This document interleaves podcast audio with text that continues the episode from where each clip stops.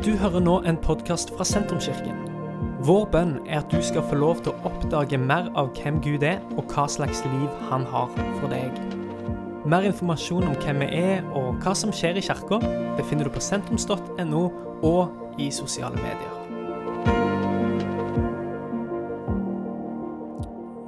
Hvis du har en bibel, så kan du gå til Markus 9. Eh, vi har tekster på skjermen òg. men eh, før vi hopper inn til det eh, Jeg har tenkt på noe. Eh, Bibelen snakker mye om eh, sesonger. Eh, det er forskjellige sesonger gjennom livet. Eh, akkurat når vi er i småbarnsfase eller småbarnssesong i livet. Eh, så det er forskjellige sesonger, men det er, sånn, det er årlige sesonger òg. Du har sommer, eh, høst, eh, vinter og vår. Du har forskjellige sesonger. Det er forskjellige sesonger gjennom livet, og Bibelen snakker mye om sesonger. Og de siste to årene med pandemien har vært en uh, lenge sesong. Jeg tror jeg alle er enige i det. Det var en veldig lenge sesong. For noen det var kanskje litt fint på en måte til å ta et steg tilbake og ja, ha litt hjemmekontor. og du, du, trenger ikke å gå ut og gjøre så veldig mye, for det er ikke lov. Og, og, kanskje det var litt fint for deg. For noen av oss det var kanskje litt vanskelig. Eh, kanskje det betydde eh, permittering, eller du mistet jobben, eller Jeg vet ikke. Det er ensomt og litt vondt, kanskje. Um, men nå, heldigvis, har vi kommet uh, gjennom, uh, tror jeg. Uh, og vi er som mennesker vi er vant med å gå fra én sesong til den neste. Vi har gjort det gjennom hele livet.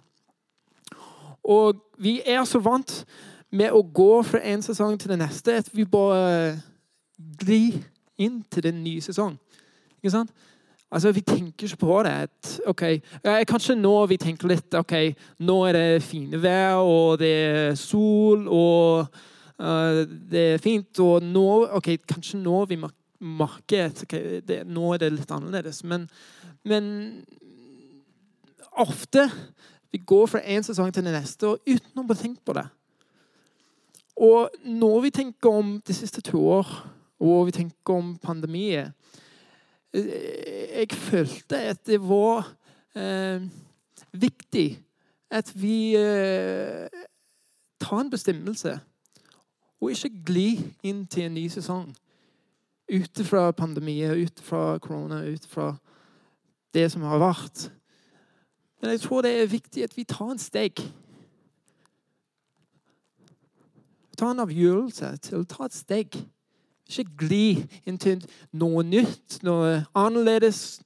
Det er ikke at vi går tilbake til den som var normalt og, og sånn normale liv igjen. Men vi tar et steg. For når du tar et steg, det, er, det betyr noe. Det er, en, det, det er, ikke at vi bare ruller inn til en ny sesong, men det er en, det er en avgjørelse. At, vet du hva? Nå er det nytt. Nå er det annerledes. Jeg skal ikke gå til en ny sesong uten å tenke etter. Vet du hva? Nå er det noe nytt. For når vi tar en steg det, det, det, altså det, handler ikke om gjenåpning, og, og, nå er det nytt, og nå kan vi handle og bla, bla, bla. Men det handler om å ta et steg i tro og si vet du hva, nå vi tar et steg inn til alt Gud har for oss. Amen. Nå tar vi et steg til å, til å begynne å be for de ting i livet som er vanskelig, som er vondt, som er eh, altså de eh, kollegaer eller naboer som, som, trenger hjelp. Og, nå er det tid til å be for dem. Nå er det tid til å gå og snakke med dem. Nå er det tid til å invitere igjen til kirke. Nå er det tid til å kjenne igjen. Nå er det tid til å gi tiende. Nå er det tid til å ta en steg inn til en ny sesong. Og det, det betyr noe når ene av oss eller to av oss eller tre av oss gjør det. Men når vi tar et steg sammen, det kommer til å bety mye. Så La oss ta et steg. Amen. Er vi enige i det? Så bra. Super. OK. Nå Markus 9. Markus 9. Går det bra? Så kjekt. Markus 9. Før vi gjør det, jeg må be.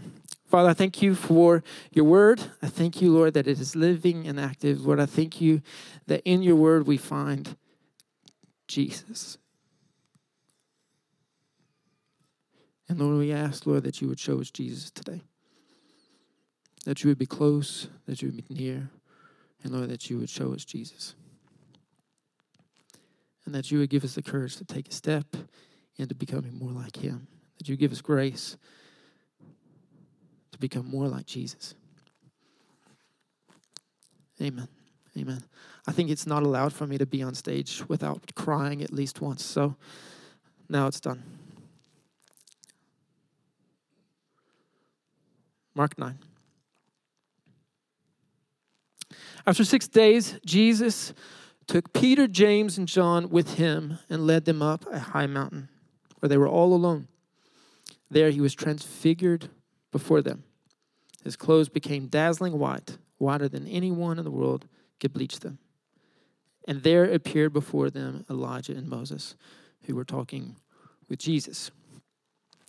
Maybe you're familiar with this story, but uh, we'll take it, take it and, and give it a little bit of context. Jesus had thousands of followers, which when we hear thousands of followers, like there's uh, 10 year olds on TikTok that have hundreds of thousands of followers. So, so we can't uh, take thousands of followers and understand it in today's context and today's understanding.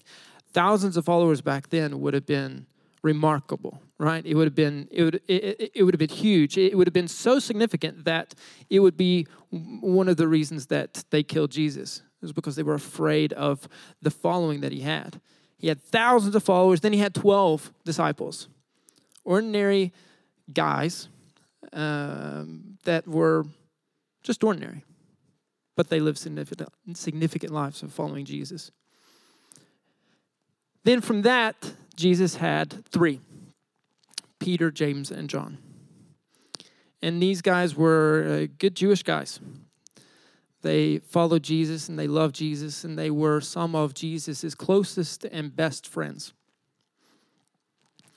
And in this picture, Jesus is taking Peter, James, and John up onto the mountain.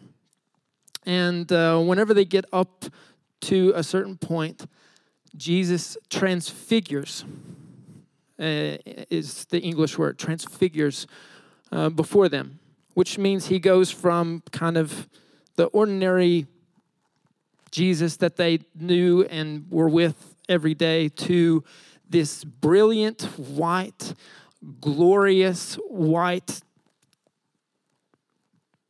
glorified Jesus, right? It's difficult for us to understand what that would look like and what that would feel like. I thought about sharing the story about Gandalf. Um,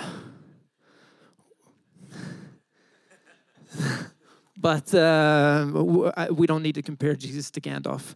So, uh, but you know, there is a picture if you want to use it of Jesus and Gandalf. Anyway, but so Jesus is transfigured, brilliant white, and then he's there with Moses and Elijah.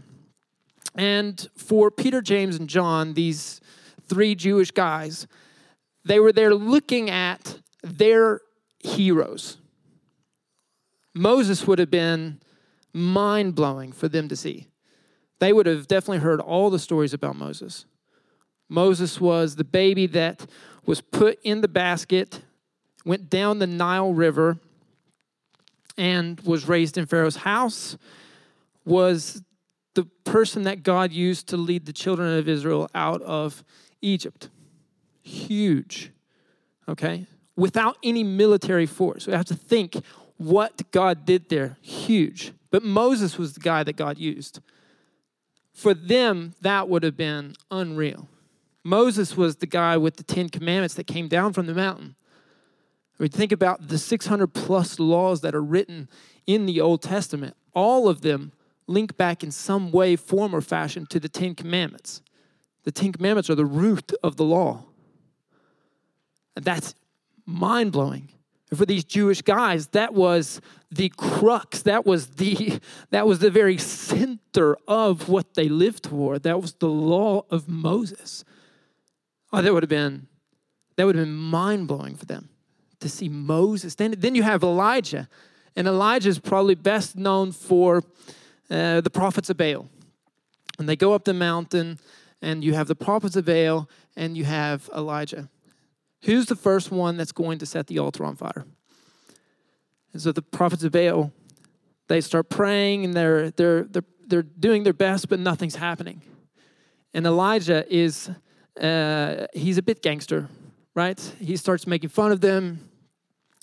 You know, maybe, uh, maybe, maybe you're not talking loud enough, right? He tells the prophets of Baal. Maybe your gods are sleeping. You know, maybe you need, maybe you need to just, just talk a little bit higher. Maybe they'll hear you then gangster, right? Nothing happens, and then it's Elijah's turn, and he says, Bring out the water and soak it all. Soaked it, and so there's water all the way around the altar. And he prayed, and of course, the altar was consumed. You have these two heroes of the faith the architect, in a way, of the law, Moses, and then the power of the Holy Spirit at work in showing God's glory on the earth with Elijah talking with Jesus. The scene is mind blowing, right? So we'll read on.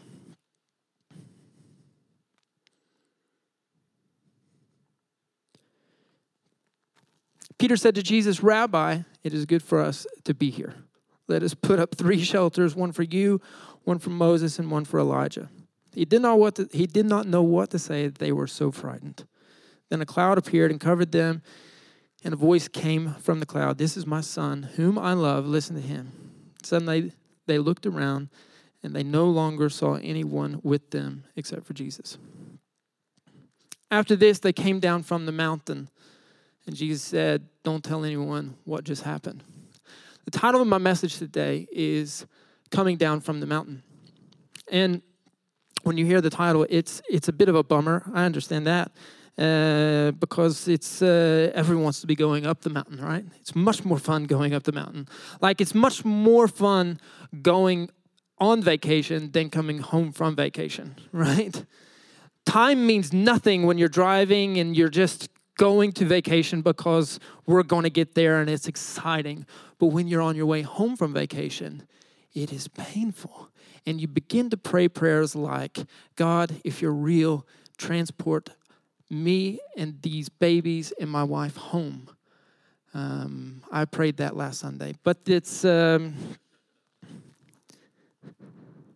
coming down from the mountain. I have to admit that this story is is is difficult for for me to wrap my mind around, and I don't think there's any point in trying to wrap our minds around it because it's so complex and it's so it, it, was one of those moments that i'm sure you just kind of had to be there right? Because you got to glorify jesus and who knows really what that looked like. We can kind of try and understand it but but most likely not going to be anywhere close.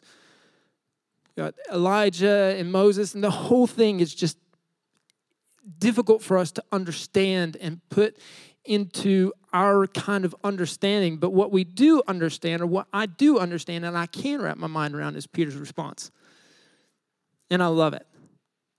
It's a prayer that I've prayed for most of my Christian life is that, is that I would be able to build a house in the presence of God. I think that's something that, that we can all kind of understand because we can all look back and f- remember a moment in time when God was close, when God was speaking, when God was near, when God moved in our hearts or spoke something that, that meant something very special to us. Maybe it was at a summer camp, maybe it was when you were very young, maybe it was now in worship. But we can look back and we can think about a time when God was so close and we think, yes, I want to go back there We can understand Peter's response because we as people like to be where the good things are, right? We like to take advantage of the good, the comfortable, what is familiar, what is what is just we, we want to soak in everything that is good. So we understand Peter's response. There with his heroes, life changing, beautiful, brilliant something that they've never seen or experienced in all of their life. They want to stay there. But the reality is is it was never Jesus' plan that they were going to stay there. It was never part of Jesus' idea that ah, maybe if they like it, right? Nah, maybe if they like it, we'll stick around for, for a little while. It was never part of Jesus' plan that they were going to stick around. And we know that because in the previous chapter, Jesus predicted his death.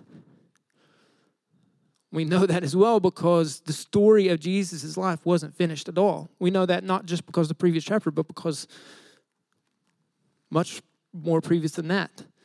Jesus was going to die. We knew that they weren't going to stay up in the mountain because that's just not how it works. That wasn't the point of the experience. That wasn't part of point of them going up onto the mountain. Eventually they were going to come down. But the reality is is our understanding of who God is is not only formed when things are good. Our theology and what we think about God is not only informed and understood when things are good. What we think about God is not only informed when we get the promotion or we get the new job or we get a new baby, or we get a new house, or when things in life are great, when the marriage is going well, when the finances are great, when everything in life is going well. Who God is, is bigger than that. But we have the tendency in life to grab hold of these moments in time when God shows up, when He speaks, when He does something in our hearts, when in, in our lives, maybe just like today when, when we were singing eh, Heliga ditt namn, and God is so close and He's speaking and He's brilliant and beautiful and He's there and He's near and He's close to us. And we try to take these moments and say, okay, we're going to bring this moment with us throughout life. And I'm not going to forget right? I remember when God spoke to me, and, and, and I don't want to ever forget that. I'm going to carry that with me throughout life. And that's good. We should do that. But the reality is, is Peter, James, and John were not going to stay on the mountain because we cannot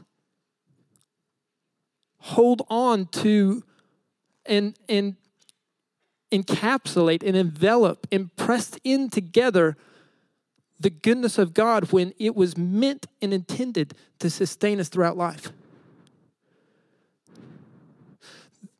We tried to, to, to encapsulate it and, and, and hold on to it. And this is the goodness of God, and this is who God is, and this is who God is to me. And I remember this, and, and that's good. But the goodness of God is so much bigger that, than that.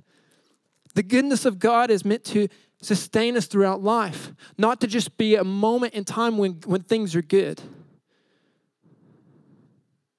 The faithfulness of God is faithful enough, not just in the moment, but it's faithful enough to sustain us throughout life. The goodness of God is good enough, not just in the moment when everything is good, but when you're on your way home and you have a flat tire and the baby's screaming in the back seat because they just threw up. It happened last week. Not the flat tire, thank God. The love of God is strong enough, more than just in the moment, but it's strong enough to sustain us throughout life. Regardless of good times or bad times, regardless of when the marriage is going well or not, regardless of when the finances are going well or not, regardless of when the job is going well or not, the goodness of God, the love of God, the forgiveness of God, the mercy and the grace of God are strong enough and good enough to sustain us. Regardless. Regardless.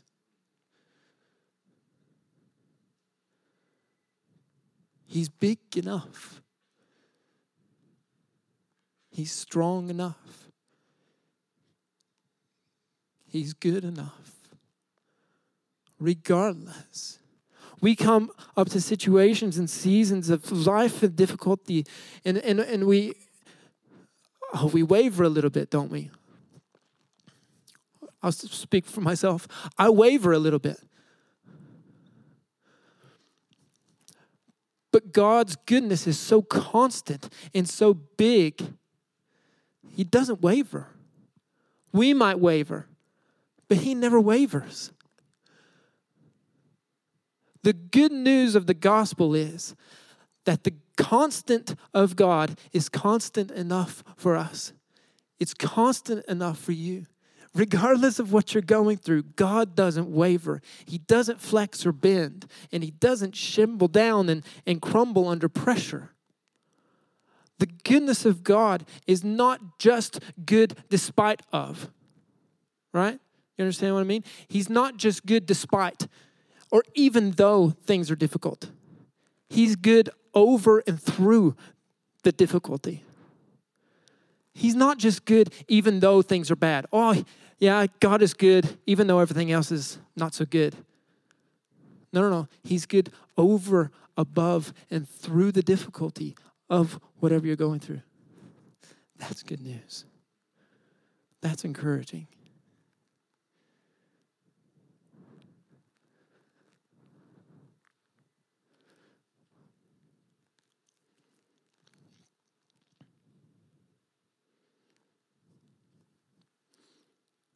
If you remember the disciples on the boat, the storm came, everything was a mess. Where was Jesus? He was sleeping. God's not affected. He feels for you. Don't get me wrong. And he has compassion and understanding. And he's there with you, just like he was on the boat. But he doesn't flex. He's not scared. He's the God that rides on top of the mountains, on top of the clouds. He's victorious over everything. He's strong over everything. He's supreme over everything.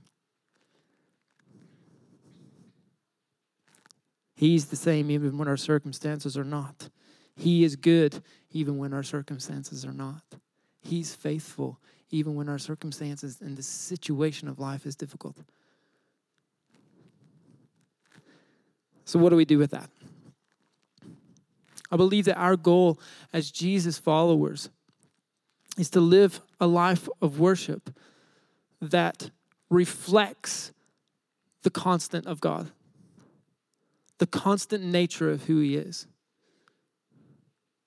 If God is always good, if he's always faithful, if he's always loving, if he's always merciful, if he's always gracious, then our worship should be as well. Our worship should reflect the characteristics of who God is. It should reflect the constant, unchanging nature of who God is. That's, our, that's the goal. I'll be honest and say that I don't always match up to that. I get nervous, I get anxious, I get stressed out more times than I'd like to admit. My wife will tell you she's seen it more than once. But our challenge as Jesus followers, and that's what we're talking about is throughout the spring is following Jesus. What does that mean? Our goal as Jesus followers is to live a life of worship that isn't dependent upon things going well, but is dependent upon the goodness and the constant goodness of God. Now, let's get it right. That doesn't mean that our worship always looks the same. It doesn't mean that our worship always sounds the same. It doesn't mean that every day is waking up knowing there's a reason. Because some days we wake up and we don't know what the reason is. And sometimes we hear that song and it drives us insane because it's annoying. yeah, anyway. Just because our worship should stay the same or be constant doesn't mean that it looks the same or sound the same or feel the same. It doesn't mean that we have to put ourselves together and sing the happy clappy song and be happy about everything in life. That's not what it means. I think sometimes we've bought into this idea that, okay, if I'm coming to church, then I've got to pull it together and I've got to look right and I've got to have uh, all the energy and I've got to, yeah, I've got to put a smile on because that's what Jesus would do, right? And we have this idea that, yeah, okay, yeah, I'm going to worship and I'm going to push through. And no, no, no. Sometimes our worship looks like screaming out to God, Where are you? I don't feel you right now. I don't see you right now. I don't know where you are in this, but I'm in the pain and I don't see you. Can, we, can I dare to say that that's just as much worship as standing in church on the front row and lifting our hands and saying how glorious God is? I, I, I would argue that there's no difference between that and that. Because the reality is, is in the moment of screaming out to God and asking where He is in our pain and in our difficulty, in the challenge of life, is still an acknowledgement of the goodness of God, an acknowledgement that He can do something about it, even though I can't. That is worship. We're called to live lives, I believe, of constant worship. Unchanging worship doesn't mean that it always looks the same and sounds the same and feels the same. It doesn't mean that we always have a smile on. It also doesn't mean that we always have a frown on, right? It does mean that we can smile. Glory to God. But it doesn't mean that we can't come with an honest heart and say, This sucks. I don't like it. It hurts. And I feel alone. And I need you to be close.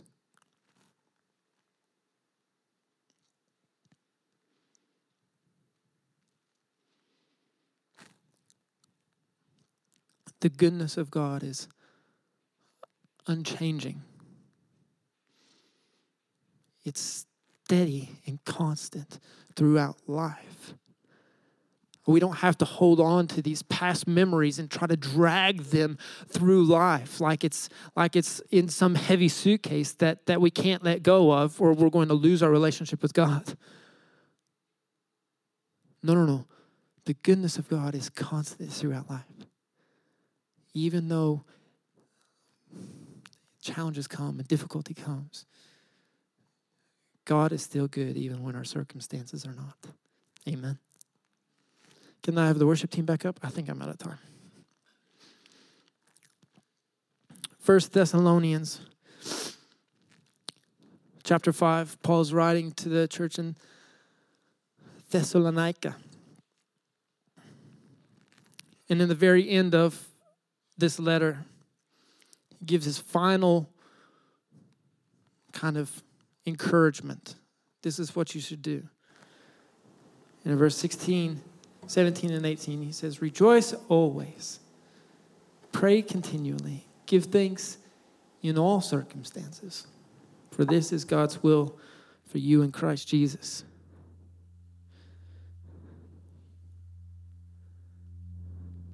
It's interesting that it was Peter, James, and John that went up the mountain.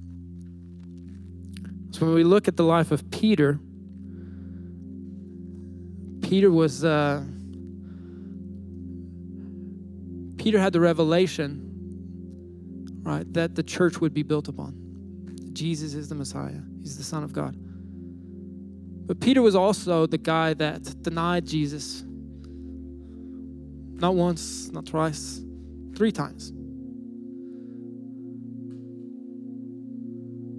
Peter was the guy that cut the soldier's ear off. Peter was a little bit gangster as well.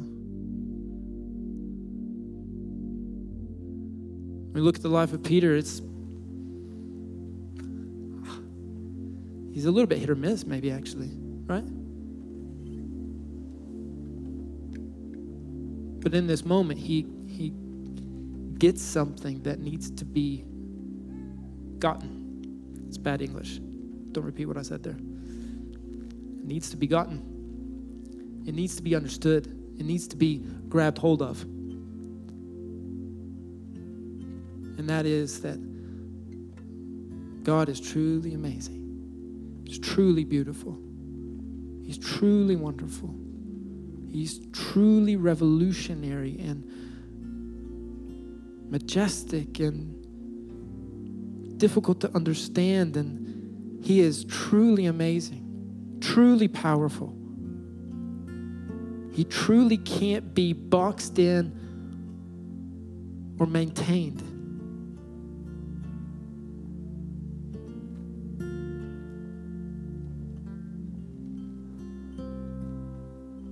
I don't know where you find your at, find yourself out today.